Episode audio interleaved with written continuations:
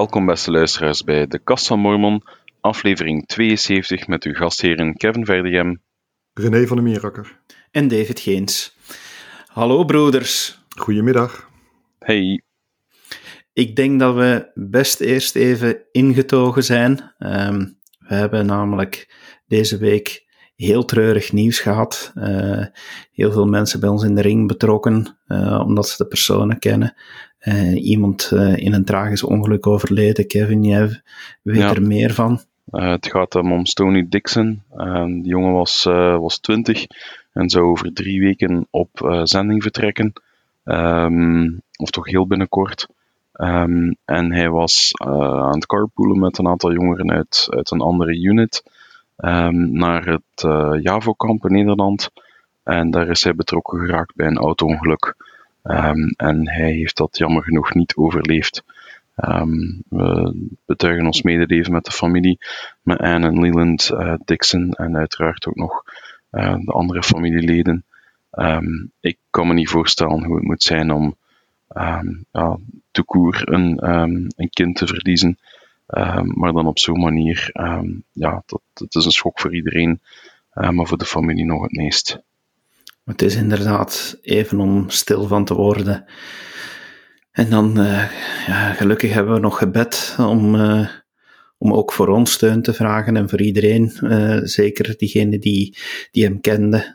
maar het is toch even, ja, daaraan, daaraan zie je een vraag die, die ik soms wel krijg, is van ja, van als je dan lid wordt van de kerk, ben je beschermd van alle ellende. Nee, dus. Nee, ook, zo werkt het niet. Nee. Nee, nee dit is, dit is ongelooflijk, ja. Ik vond het, wel mooi. Sorry ik vond het wel mooi, um, de reactie ook van, van de ouders uh, die het nieuws ook deelden op hun sociale media. Um, waar ze zeiden van ja, dit is, dit is geen um, vaarwel, maar een tot wederziens. die doet me denken aan die loshang nu tot weerziens. als je ooit een tearjerker nodig hebt op een uh, begrafenis, dan moet je die maar draaien. Of, of laten zingen. Dat is, uh, niemand houdt het droog. Ja, inderdaad. Dat is, uh, dat is inderdaad. Uh, en, en het is ergens een troost. Hè. We weten dat, het, uh, dat dit hier niet stopt. Maar well, ik denk niet. Ik heb nu ook het afgelopen jaar overlijden meegemaakt in de familie. Ja. Het is een troost, maar het maakt het verdriet op het moment er zelf niet minder om. Dus, en, het gemis, en het gemis in tussentijd tot je hen weer ziet, um, ja, is ook dat. heel reëel. Hè? Ja, we kijken anders tegen de dood uh, dan andere mensen. Wij weten dat we elkaar weer gaan zien, maar inderdaad, dat maakt het gemis in de aardse periode niet minder wrang, denk ik. Nee, nee. Dus bij deze sterkte aan, aan heel de familie, aan alle familie en vrienden. Uh, ja, we denken aan jullie. Absoluut. Oké, laten we dan uh, even kijken naar wat we allemaal nog op de agenda hebben staan. Uh, we, hadden, behoorlijk wat bij elkaar gesprokkeld. Uh, Kevin, jij had onder andere gekeken naar wat statistieken. en ja, met die cijfertjes, daar waren een paar dingen opvallend aan. Ja, um, er was een artikel um, verschenen op Church News. Of, ik weet niet meer. Is het nu eigenlijk, David, je gaat dat beter weten dan ik, maar je hebt Deseret News. Um, enerzijds. En dan heb je anderzijds ja, de, de church news, die zijn zo precies samengesmolten in één website tegenwoordig. Um, thechurchnews.com. En dan gaat het hem over de groei in Afrikaanse landen. Um, nu, onze Afrikaanse broeders en zusters, we hebben er bij ons in onze wijk toevallig redelijk wat. Uh, vooral uit Ghana en Nigeria, ook uit Benin, dacht ik. En andere, ja, Zaire, denk ik of is het macht, de, de, de, Democratische Republiek Congo is tegenwoordig, mea culpa. Maar het artikel uh, zegt van, kijk, in de voorbije tien jaar zie je bijvoorbeeld dat in uh, Nigeria er van um, 104.000 leden naar uh, net geen 212.000 leden op tien jaar tijd. Dat is een gigantische groei. Um, en als je dan gaat kijken, dan zie je bijvoorbeeld in Benin, waar een van de leden uit onze wijk vandaan komt, die hebben daar nu 4765 leden, maar dat is op 10 jaar tijd wel met 605% gestegen. Ik kan me niet herinneren wanneer we nog zo'n groei gezien hebben um, bij ons in onze streken, maar 605%, dat zou wel spectaculair zijn. Um, en dan, ja, het land met de meeste leden is inderdaad dus Nigeria, gevolgd door, um, door Ghana zelf. Uh, en dan uh, de Democratische Republiek Congo en de, uh, wacht hoor, dan Zuid-Afrika en dan Ivoorkust. Ja. ja. Um, waar trouwens een, een lid van bij ons uit de unit naar op zending zal vertrekken. Um, de zoon van onze ringpresident, die nota bene zelf in Zuid-Afrika gediend heeft, als ook zijn oom. Dus um, ik vind dat wel frappant. Je ziet dat wel vaker dat iemand op zending gaat naar waar zijn vader gediend heeft, of zijn moeder of zo.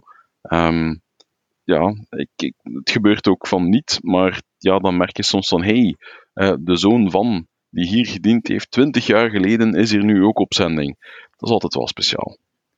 Het is toch wel opmerkelijk dat, er, ja, dat de grond daar zo vruchtbaar is, dat godsdienst daar nog, nog echt zo een plek krijgt in de samenleving. Hè? Want daar heeft het mee te maken. Hè? Uiteindelijk, eh, heel veel heeft te maken sowieso met hoe een samenleving staat tegenover, tegenover religies en godsdienst. Als daar kan open over gesproken worden, dan merk je dat we, dat we veel meer uh, ja, succes kennen uh, als zendingskerk. Uh, we hebben nu eenmaal een, een, een, een, een schat aan, ja, aan blijdschap te delen met mensen, maar er heeft toch heel veel te maken met gewoonweg de mentaliteit van de, van de samenleving. Vind je niet, René?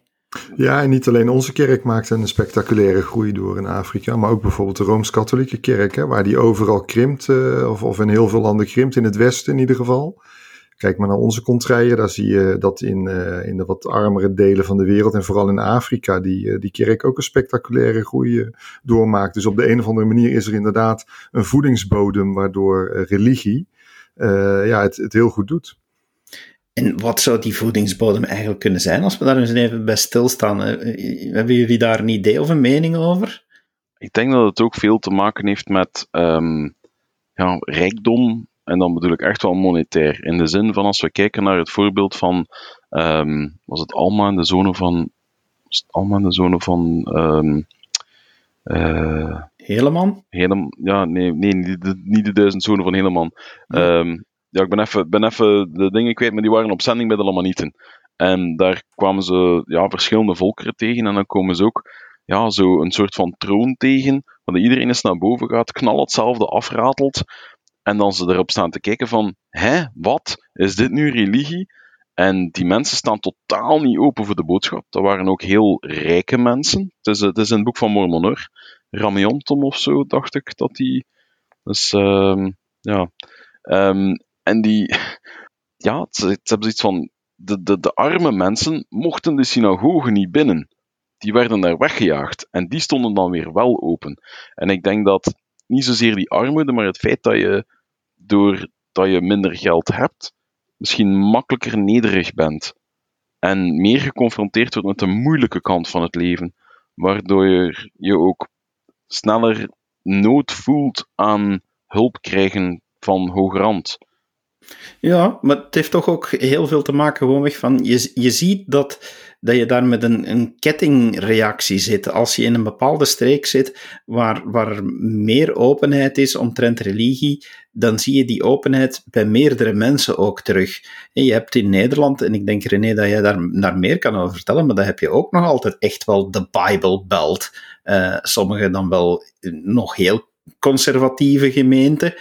Uh, maar, maar je ziet dat toch, dat, dat, dat, dat die omgevingsfactoren op elkaar invloed hebben. In Nederland bijvoorbeeld, ik merk dat heel goed als directeur communicatie. Wanneer ik praat uh, met mijn Nederlandse collega, dan merk ik dat zij veel meer kans heeft om, om pers te bereiken uh, met berichten over, over onze kerk dan ik dat hier in Vlaanderen of in Wallonië kan doen. Hier is dat echt van ja, pers over kerk schrijven. No way, hè? Dat, is, dat, is totaal privé. Dus het heeft toch wel degelijk te maken. Dus bij jullie in Nederland zit dat toch wel anders, René. Ja, de Bijbelbeeld is een, is een spe speciaal geval. Hè. Dat is denk ik een hele stabiele gemeenschap. Ik denk niet dat hij zo'n hele grote groei heeft laten zien, maar dat hij ook niet afkalft. Dus dat, dat lijkt mij een relatief stabiele, stabiele groep.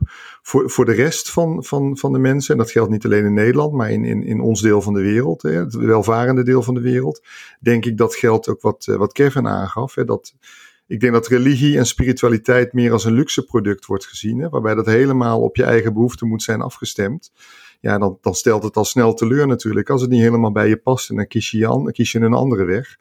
Terwijl in wat, wat armere delen van de wereld spiritualiteit nog echt bij de basisbehoeftes behoort.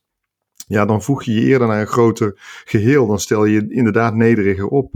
En zie je je gewoon als, als een klein onderdeel van iets groots. En dat, dat gevoel is denk ik in het Westen weggevaagd. Als ik ga kijken naar statistieken dan, want dat was nu specifiek Afrika. Als je daar gaat kijken naar op wereldvlak naar de statistieken, dan zie je dat je, ja, in Afrika heb je in zijn geheel een groei in de voorbije 10 jaar van 121%, gevolgd door slechts met 29% de Filipijnen. En dan zie je dat dat ongeveer allemaal hetzelfde is dan Centraal-Amerika, Brazilië, uh, de Pacific Islands, ik ben niet zeker wat dat juist is, de Caraïben, Mexico, Australië nog met een 20%. En dan zie je dat in de Verenigde Staten zit je maar aan 10% meer, in Canada nog net ietsje minder, maar in Europa het laagste is dan maar 4,46% groei. Terwijl dat in de dagen van de pioniers ja, daar de meeste leden vandaan kwamen die dan allemaal naar de, naar de Verenigde Staten gemigreerd zijn. Dat is wel frappant. Ik vind het ergens wel fantastisch. Ik, ik kan er niet aan doen. Het is bijna een sneer die ik zou geven. Maar de mensen die, die er soms bij stilstaan en die ons dan verwijten dat onze kerk toch nog altijd eh, systemisch racisme kent, eh, omwille van, van wat er in het verleden is gebeurd en waar we het al genoeg hebben over gehad in onze podcast. Maar dat we dan nu toch merken dat we, dat we net in Afrika zo'n groei kennen. Ik vind dat heerlijk. Ik vind dat, dat gewoon fantastisch. Ja, ja. Daarom dat ik het ook zo fijn vond dat we zien dat die, um, die groei zo ja, ook blijk geeft van ja, je gaat dan naar de tempel. Ik heb het in een vorige podcast al aangehaald dat je dan eindelijk ook ja, broeders en zusters ziet afgebeeld staan op de schilderijen die van, van Afrikaanse afkomst zijn. Of toch een donkere huidskleur hebben. Ik vind het dan zo mooi dat die eindelijk mee in het verhaal ook, ja, ook als, als gelijken ook in, in de afbeeldingen voorkomen. Ja, maar dat dat, vroeger bijna allemaal ja, traditioneel oude schilderijen, dat waren allemaal blanke mensen. Um, dus kunst is kunst natuurlijk, en, maar het reflecteert natuurlijk een bepaalde zienswijze. Ik heb net deze week, er is zo'n typische prent van Jezus Christus die, die in onze kerk veel gebruikt wordt. Uh, er zijn er sommigen die vinden dat die prent lijkt op uh, een bepaalde Jedi uit Star Wars. Uh, maar uh, ik heb van de week een bijgewerkte versie van die prent gezien van Jezus Christus die etnisch veel meer zou kloppen met hoe hij er als mensen zou uitgezien hebben omwille van de regio waar hij geboren is en dergelijke. En dat is inderdaad niet het klassieke witte beeld dat wij voor ogen hebben. Hè. Dat is, uh, we moeten, dat, moeten daar durven bij stilstaan, uh, dat, het dan, dat het dan helemaal anders is. Maar om daar dan ook bij stil te staan, want ik vind, ik vind het heerlijk om, om zoveel mensen zonder onderscheid in onze kerk te kunnen verwelkomen. Vandaag, eh, ik ben, ik ben hier in Zweden eh, naar de kerk geweest en daar werd een prachtige toespraak gegeven. Het is een verhaal dat, uh, dat ook al in de Liaona is, verschenen en dergelijke.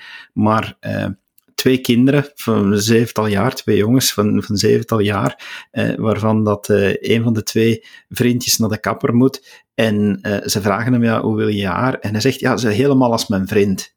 En ze knippen hem inderdaad helemaal hetzelfde. En uh, ja, als hij dan bij zijn vriend komt, dan vraagt hij zo aan iedereen: En, en, en, kunt je nu nog zien wie dat wie is? Ziet je nog verschil tussen ons en dergelijke? En dan moet je naar die foto kijken. Die, de ene kindje is blank, andere is niet blank. Ja, ja. Dus voor die twee kinderen was dat zo van: uh, nee, ons kapsel is gelijk, wij zijn nu gelijk van, ja, wij zien dat niet. En die boodschap van, ja, dat, dat eigenlijk kinderen, zoals die inderdaad, zoals wij ook zeggen, onschuldig worden geboren en pas later tot, tot, tot de capaciteit van onderscheid komen werken. Maar dan zie je inderdaad dat die ja, dat dat zo mooi is en dat, dat het, wees als een kind, dat dat echt zoveel waarde heeft van, ja, gewoonweg vriendjes en vriendjes en ja, al de rest stelt niet van. En het grootste verschil was dat mijn haar iets langer was dan dat van jou. Ik, ik, ik heb daarvan genoten, van die toespraak vandaag eigenlijk. Ja, we zouden iets kunnen leren van die kleurenblindheid van kinderen. Inderdaad, zouden we allemaal beter wat doen. Goed. Um, Ander punt, uh, ik denk, uh, René, je hebt, uh, je hebt ook gekeken naar Under the Banner of Heaven. Ja. Ik, heb, ik heb de serie ook helemaal volledig bekeken. Ik was er van in het begin bij betrokken, ook vanuit mijn roeping, omdat behoorlijk wat aandacht heeft gekregen in de media. Voornamelijk dan omdat het, het, staat op het Disney Streaming Channel en Disney heeft er blijkbaar behoorlijk wat marketinggeld tegenaan gegooid om die serie onder de aandacht te brengen. Dus heel veel pers heeft geschreven. En toen ik begon te analyseren, dan zag ik van dat het ja, min of meer allemaal vertalingen waren van dezelfde perskit. Uh, inmiddels zijn er verschillende uh, journalisten geweest die de serie gezien hebben. En dan wordt er meestal over bericht in de tv-rubriek. Maar uh, denk wel dat we toch mogen zeggen, René, dat ja, oké. Okay, het is. Het onderscheid tussen feit en fictie. Ik heb er ook al een YouTube-video over opgenomen, omdat ik er zoveel vragen over kreeg. Maar het is, uh, het is toch wel echt zo weer feiten en fictie gaan mengen, vind je niet? Ja, misschien moeten we eerst even vertellen wat het, uh, wat het is. Jij gaf het al aan. Het is een, een serie, een miniserie. Uh, hij kan gestreamd worden op, op Disney+. Plus. Het gaat over een echt gebeurde moordzaak in, in onze geloofsgemeenschap in, in Utah. Het gaat over de, de brute moord op een vrouw en, en haar baby. Uh, maar het is geen documentaire serie, dus het is wel gebaseerd op echt gebeurde uh, dingen, maar de, de hoofdpersonen zijn fictief. Nou, het gaat over een fictieve rechercheur met zijn compaan die, die die moord gaan onderzoeken. Het, uh, het is gebaseerd op een boek van John Krakauer, ex-lid ook van de Kerk van Jezus Christus van de Heilige de Laatste Dagen. Nou, de opzet is dat de hoofdrechercheur werkt samen met een donkere partner. Nou, de hoofdrechercheur is lid van onze kerk. Zijn partner die is geen lid, heeft ook heel veel bedenkingen bij onze kerk, vindt hem onder andere veel te wit. Uh, en uh, nou ja, de moord wordt onderzocht uh, en tegelijkertijd vindt er een soort geloofscrisis plaats bij de, bij de hoofdrechercheur. Um, nou, eerst even misschien stilstaan bij de dingen die, wel goed, of die ik wel goed vond van deze serie. Het is heel mooi gefilmd. Uh, het is een hele sfeervolle uh, serie. Het doet ook qua sfeer mij heel erg denken aan uh, True Detective. Het is heel traag en ook dreigend gefilmd. Ik denk dat soms ook, wat te traag, vind ik. Soms wat te traag, daar ben ik met je eens. Heel veel details kloppen, kloppen best goed. Hè? Als je als insider van de kerk goed kijkt, dan zie je heel veel dingen die herkenbaar zijn, maar die ook wel goed zijn uitgewerkt. Wat ik persoonlijk een beetje ongeloofwaardig vind, is dat een geharde hoofdrechercheur die al heel veel moordzaken heeft, uh, heeft onderzocht, dan opeens heel geschokt is als hij erachter komt hè, dat uh, iemand van de Latter Day Saints ook in staat is om een moord te plegen. Dan denk ik, ja, als je bij de moordbrigade in Utah werkt, dan moeten er toch meer moorden door mormonen zijn gepleegd. Maar goed, dat terzijde. Um, ja, wat ik minder goed vond aan de serie, het, het gevoel bekroop mij toch op een gegeven moment dat hier een heel erg eenzijdig en ook wel ouderwets beeld wordt neergezet van onze geloofsgemeenschap.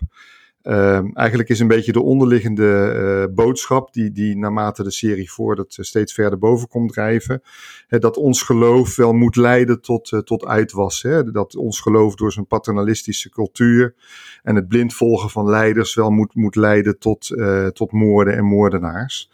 En uh, eigenlijk is ook de boodschap dat het mormonisme inherent gewelddadig zou zijn. En ik vind dat ja, toch een heel eenzijdig beeld, omdat dat heel erg uh, gebaseerd is op uh, ja, de, de, de, de, de, kern van onze kerk in de, in de 19e eeuw. En dan met name de wat extremere uitwassen van onze, onze kerken, de, de polygamisten onder andere. en ja, dan wordt eigenlijk alles op één hoop gegooid, alsof onze geloofsgemeenschap nu Goed, dit speelt dan in de jaren tachtig, maar ik noem het even nu. Nog steeds zo zou zijn als het in de, in de 19e eeuw was onder bepaalde extreme delen van ons, uh, onze gemeenschap. En het is jammer dat daar, dat daar geen nuance is, uh, is aangebracht, vind ik. Nou, dat, dat, dat klopt volledig. Het is, kijk, het, is in die zin, er zitten behoorlijk wat feiten in. Die moord is gebeurd en die is gebeurd in een familie die afgedreven is, die heel fundamentalistisch gegaan is, die bepaalde schriften op een eigen manier is beginnen te interpreteren, die ook, en dat toch voor even, alle duidelijkheid even wel zeggen, die zelfs voor de moorden gebeurd zijn, zijn die broers omwille van hun afwijking van, van de doctrine van de kerk, zijn die geëxcommuniceerd geweest. Dus het is niet dat dit echt een onderdeel was wat onderwezen werd in de kerk. Ze zijn hun eigen, uh, hun eigen weg gegaan en, en zijn zelf dingen beginnen geloven. Maar ik denk dat het ook heel belangrijk is om te beseffen dat de persoon, de regisseur die deze reeks heeft gemaakt, ja, en ik, ik heb nooit de bedoeling om, om iemand te treffen of te kwetsen. En het is voor iedereen moeilijk van. Maar het is toch ook even belangrijk om te weten van. Kijk, die man is lid geweest van onze kerk, is opgevoed in een gezin binnen onze kerk, heeft als tiener ontdekt dat hij uh, homoseksuele gevoelens had. En daar hebben we het al zo dikwijls over gehad, hoe moeilijk dat dat is, zeker in onze kerk. Dus ik heb daar alle respect voor dat dat voor hem als tiener een verschrikkelijke periode moet geweest zijn. En hij is uit die periode uitgekomen met het idee van, de kerk is slecht, ze hebben mij slecht behandeld. En ja, die kerk die staat voor evil, die staat voor kwaad. Ja. En dat is ook zijn doel geweest met, uh, met het maken van deze reeks. Dat heeft hij in interviews letterlijk gezegd. Hij zegt dan van ja, ik ken het mormonisme door en door, ik ben erin opgegroeid en ik heb bestudeerd. En hij zegt er zijn maar twee mogelijkheden. Ik parafraseer hem nu eigenlijk, maar het is bijna letterlijk. Hij zegt van ofwel maak je er dan een komische musical van, ofwel besef je dat dit altijd leidt tot geweld en fundamentalisme. En het is natuurlijk zijn conclusie en hij heeft daar recht op, maar dat heeft hij natuurlijk in die reeks gestoken door te gaan gebruik maken van die fictieve uh, hoofdpersonages en die weliswaar feiten laten belichten, maar in bewoordingen dan zodanig het altijd gaan, of de, de beeldkeuzes zodanig gaan maken, dat het altijd een slecht licht werpt. En daarmee wil ik niet zeggen van dat in onze kerk er geen minpunten zijn en geen foute dingen gebeuren. Uiteraard, wij zijn een kerk van mensen. Ik heb het al zo vaak gezegd, er gebeuren bij ons ook zoveel foute dingen. Ja, en ook in de geschiedenis van onze kerk zitten echt wel dingen die, die niet door de beugel kunnen. Maar de conclusie dat het voor iedereen en voor altijd tot geweld moet leiden. Ja, dat is, dat is toch wel een, een spijtige conclusie. En voor de rest, oké, dit is een dramareeks. Eh, dus uh, aan, de, aan de makers van deze reeks alle recht om er iets dramatisch van te maken. Uh, maar je moet wel opletten met een te voorbarige conclusie. Dus spijtig voor de mensen die deze reeks zouden bekijken en dan een verkeerde idee zouden hebben over onze kerk. Ja, ik had een beetje hetzelfde gevoel uh, toen ik ook naar de, de musical Book of Mormon was geweest. Hè. Dat is in veel opzichten gewoon een goede musical. Leuke liedjes, goede muziek, goede decors. Daar ligt het allemaal niet uh, aan. Maar het algehele beeld wat daar wordt geschetst is toch een beetje... Hè, de, de Latter-day Saints zijn, uh, zijn naïeve mensen. Nou, hier wordt ook een stereotype neergezet. De Latter-day Saints zijn killers. Dat vind ik nog wel een, een groot verschil met de conclusie van het uh, Book of Mormon musical uh, traject. Maar ja, ook gewoon hier weer het gevoel dat er een te eenzijdig beeld wordt neergezet. Waardoor ik hier, net als bij, de, bij het kijken naar de musical, toch het gevoel had van ja, ik weet niet of ik me hier helemaal senang bij voel. In mijn patriarchale zegen staat mij plaatsen waar de Heilige Geest niet heerst ik had dat bij deze film toch wel, uh, dat gevoel. En dat had ik ook bij die musical. Uiteraard staat het iedereen vrij om musicals of films te maken over onze geloofsgemeenschap. En mensen moeten vooral zelf kijken waar ze, eh, of beslissen waar ze naar willen kijken. Maar ik, ja, er zat hier toch iets dreigends, iets sinisters onder, wat voor mij niet goed voelde. Ik vind het meest spijtige aan deze reeks eigenlijk de evolutie van de rechercheur eh, de, hoofdpersoon, eigenlijk de antagonist in, in heel het verhaal, vanuit wiens zienswijze het vertelt. Want men brengt hem in een geloofscrisis en men laat zo uitschijnen van, kijk, deze kerk houdt heel veel dingen achter over haar ontstaansgeschiedenis. En iedereen die dan begint daarmee in aanraking te komen, ja, die ontdekt dingen waardoor het niet anders kan dan dat je afvallig wordt. ja dat is dus niet zo. Hè? Van, dat, dat, is, dat is dan echt fictie. Uh, en ja, dat, dat vind ik dan een beetje spijtig. Wat mij wel opvalt is dat dat um, toch vaker gebeurt dan dat je zou denken. Omdat we hebben het in het verleden al over zoveel dingen gehad. Hè? Bijvoorbeeld de kerk die dan investeert in um, ja, lokaal vastgoed. Um, om om ja, de, de lokale handel ook en, en jobs te creëren en zo.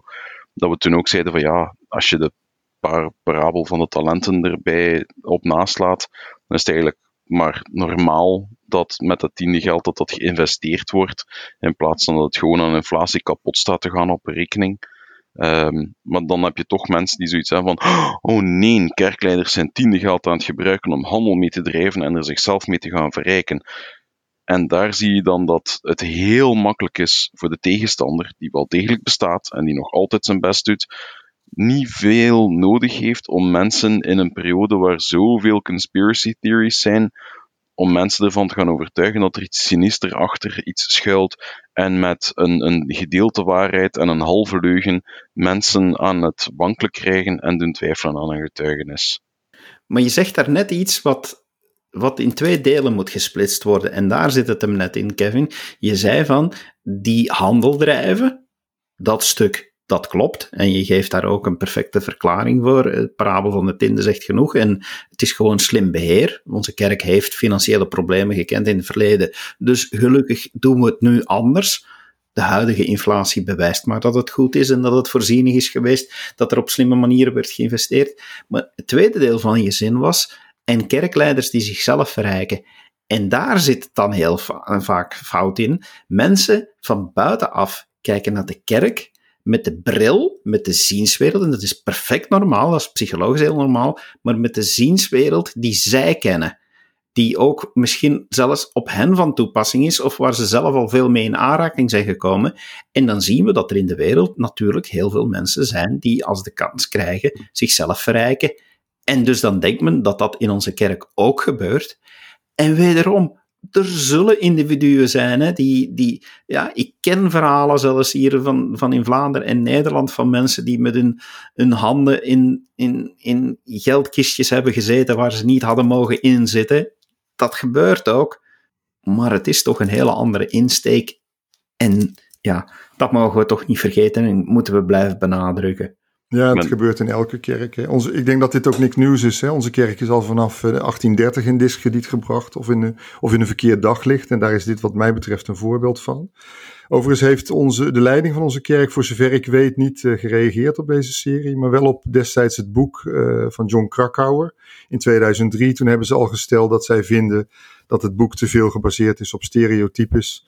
En ook op ja, fundamentalistische en polygane groepen in, uh, in Utah, waar onze kerk heden ten dagen niks meer mee te maken heeft. Er is, er is wel degelijk heel even kort gereageerd eh, in de in, internationale perskamer, uh, maar eigenlijk niks meer dan wat jij nu zegt en wat ik al gezegd heb van oké ja, van, uh, dit is drama en je moet, je moet de feiten van de fictie kunnen onderscheiden.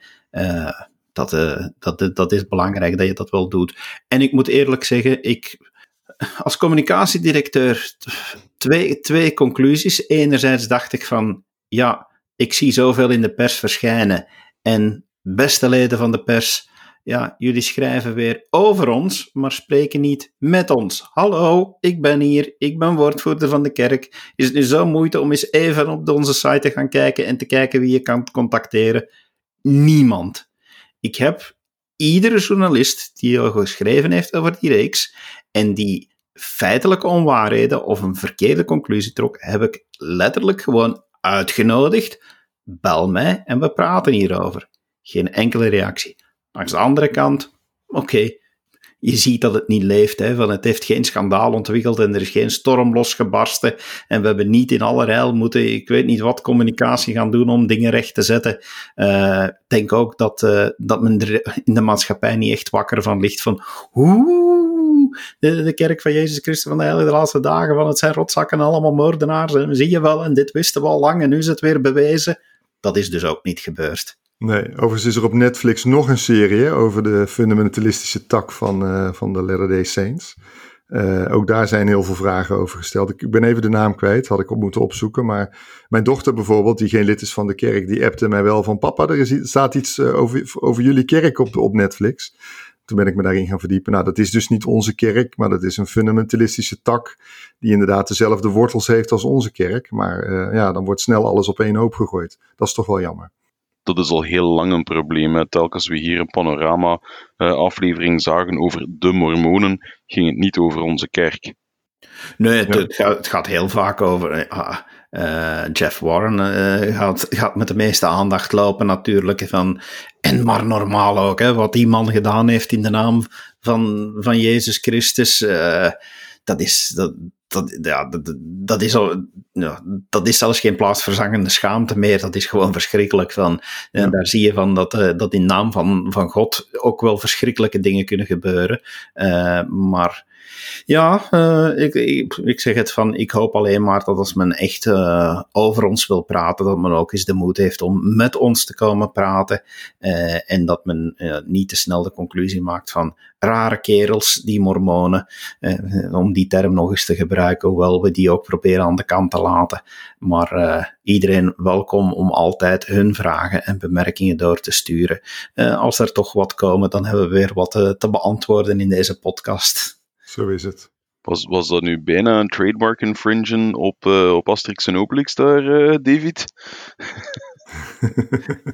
Rare jongens die, die mormonen. ja, ja, ja, ja, ja van, uh, dat, dat zei ik terwijl ik die man hier op de achtergrond had staan. Hè. Ja, ja, ja. Goed. René, jij, jij als leesbeest, weer wat boeken verslonden? Ja, zeker. Ik heb uh, dit keer geen boekentip, maar ik heb zelfs een hele schrijverstip. Ik heb namelijk een complete schrijver ontdekt die ik nog niet kende, die jullie misschien wel kennen. Jullie lopen al wat meer jaartjes mee dan ik in de kerk.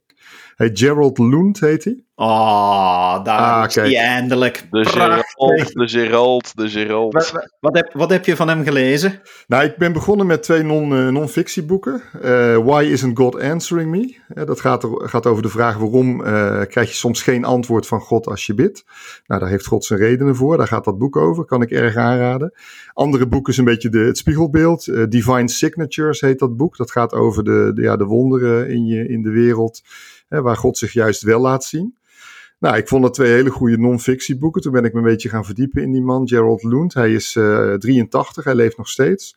Hij is van 2002 tot 2008 is hij 70 geweest. Dus hij heeft ook uh, deel uitgemaakt van de leiding in onze kerk. Maar ik kwam erachter dat deze man niet alleen heel veel uh, non-fictie heeft geschreven, maar ook heel veel fictie. Waaronder een zeer uitgebreid werk, dat heet The Work and the Glory. Dat zijn -hmm. negen delen bij elkaar 9000 pagina's. Ik heb ze onmiddellijk gedownload en op mijn Kindle gezet, dus ik heb nog even te lezen. Ik ben nog steeds bezig in deel 1, dat boek heet Pillar of Light. Uh, en daar uh, wordt eigenlijk een fictieve familie uh, beschreven in um, Palmyra, de familie Steed. En die komt in aanraking met Joseph Smith. Geen spoiler alert, voor wie ze nog niet gelezen heeft. Hoe lang zijn die boeken al niet uit?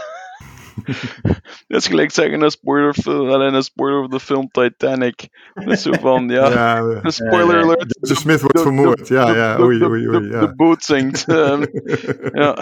ja. Nee, maar het mooie is dus dat je, je, je komt in het verhaal Joseph Smith tegen, Hiram Smith, Emma Smith, maar bijvoorbeeld ook Martin Harris en zijn vrouw, hè, die uh, een deel van het boek van Mormon uh, kwijtraakt. Maar het wordt helemaal beschreven vanuit een fictieve familie die zich vestigt in Palmyra in aanraking komt met Joseph Smith en eigenlijk niet weet wat ze van hem moeten denken. Hè. Dus ze komen uh, heel snel horen ze over de Gouden Plaat en over de vertaling waar hij mee, mee bezig is. En, rare, uh, rare, het, rare jongen die Joseph Smith. Rare jongen die Joseph Smith, ja, dat, zo begint het boek. En uh, nou, dat vind ik wel heel sterk uh, van het boek, hè, dat het heel goed twee kanten belicht. Hè.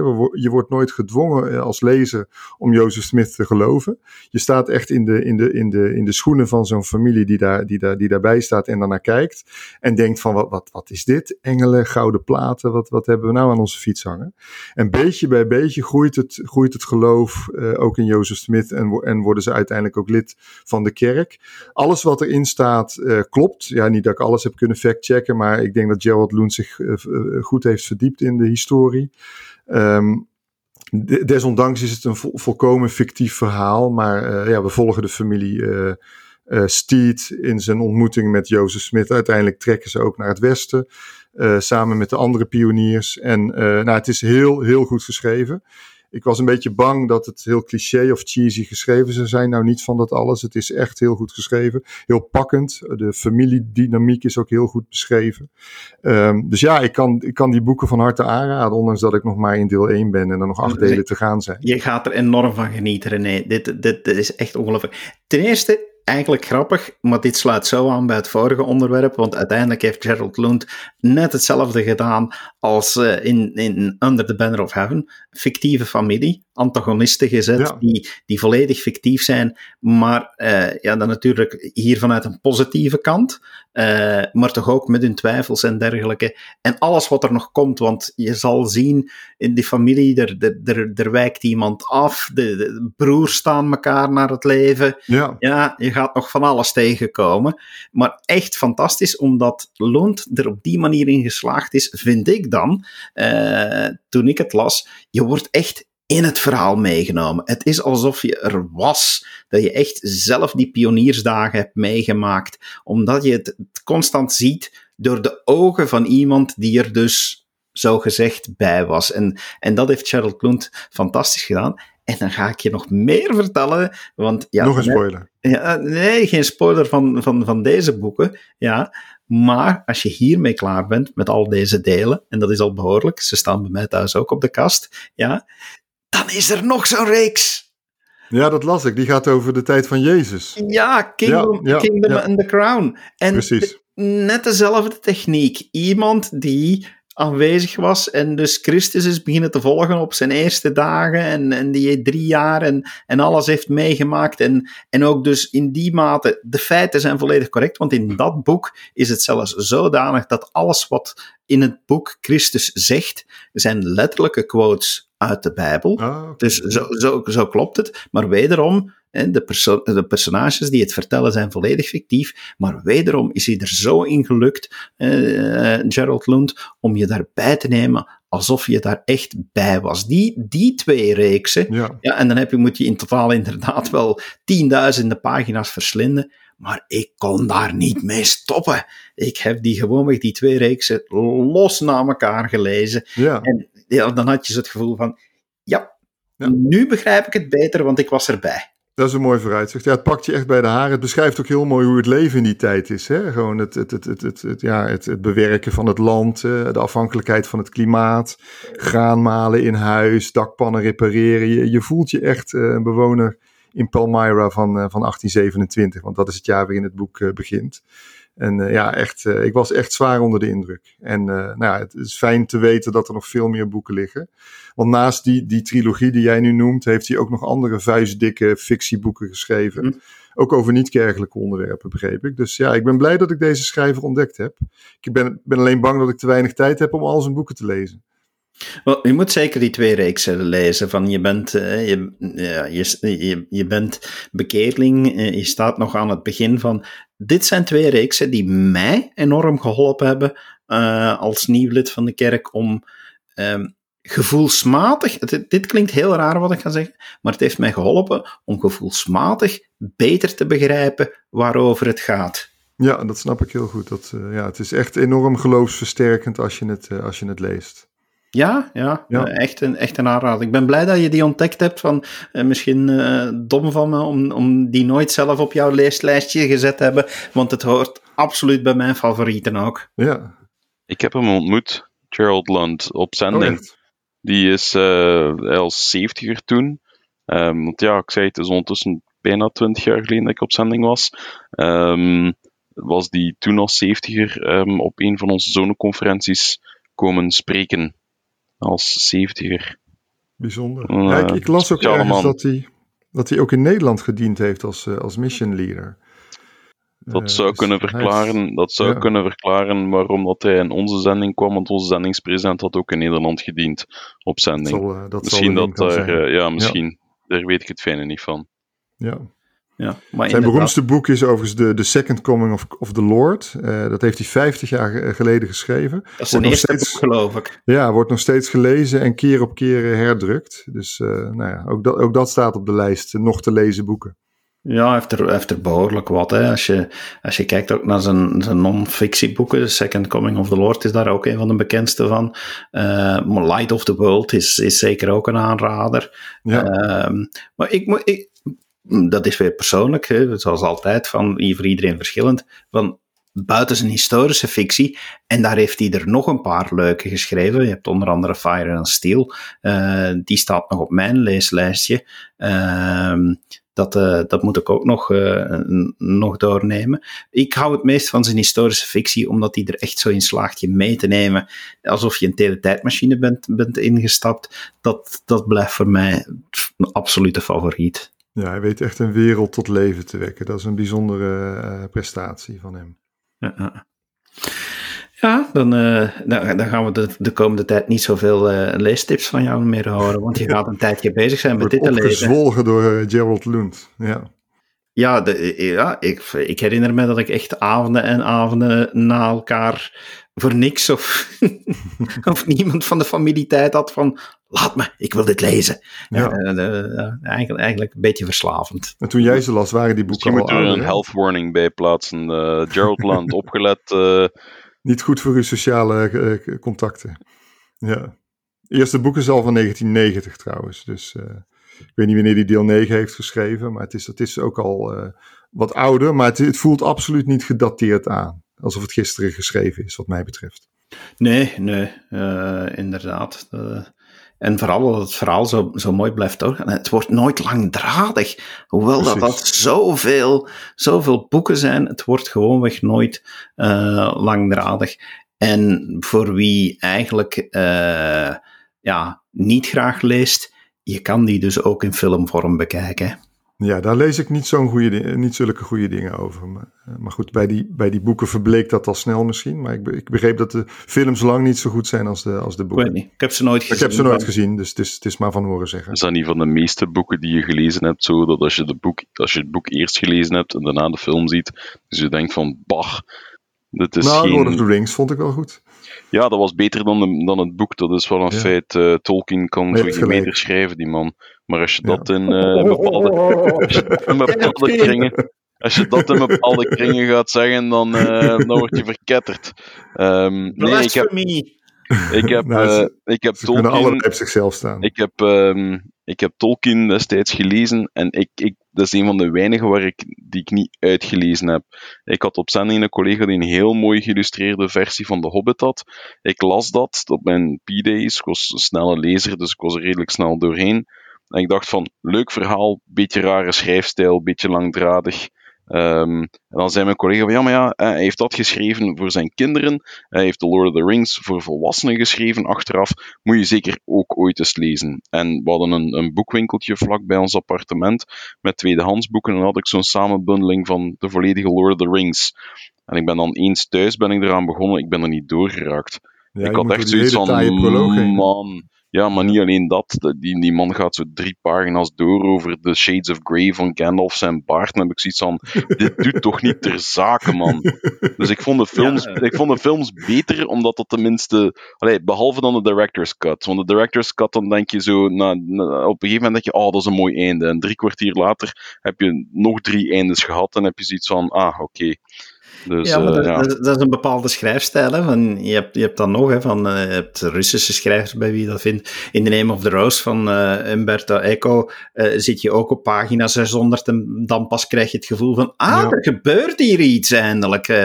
ja, maar zeker in vergelijking met Tolkien is, is Tom Lanois nog een bondige schrijver. Hè, van, ja. de, nou, misschien moeten we Peter Jackson eens vragen of hij The Work and the Glory wil verfilmen. Dan komt er vast iets moois op, op het doek. Hm? Als, als, je, als je maar James Cameron niet vraagt. Uh... of J.J. Abrams. Ja, dan, dan krijg je heel veel lens flare. Ja, precies. ik vind dat we dat moeten vragen aan de Marvel Studios om daar iets mee te doen. Ja, ja. De, allee, of Kevin Feige to hè, die, die, die man die uh, zit tegenwoordig overal wel in, in uh, The House of Mouse, uh, in Star Wars en in um, in, in Marvel uh, bezig. En ja, niet alles is even spectaculair, maar het meeste is wel, uh, wel goed te smaken. Nou, een goede verfilming van het Boek van Mormon is ook niet te versmaden, denk ik. Overigens, de, de officiële video's van de kerk, die zijn ook uh, de, de, moeite waard van het bekijken. Ik wou het net ook zeggen, ja, dat, dat, dat, wordt heel goed verfilmd. Die, die video's zijn echt wel de moeite waard. Ja, zeker weten. Oké, okay.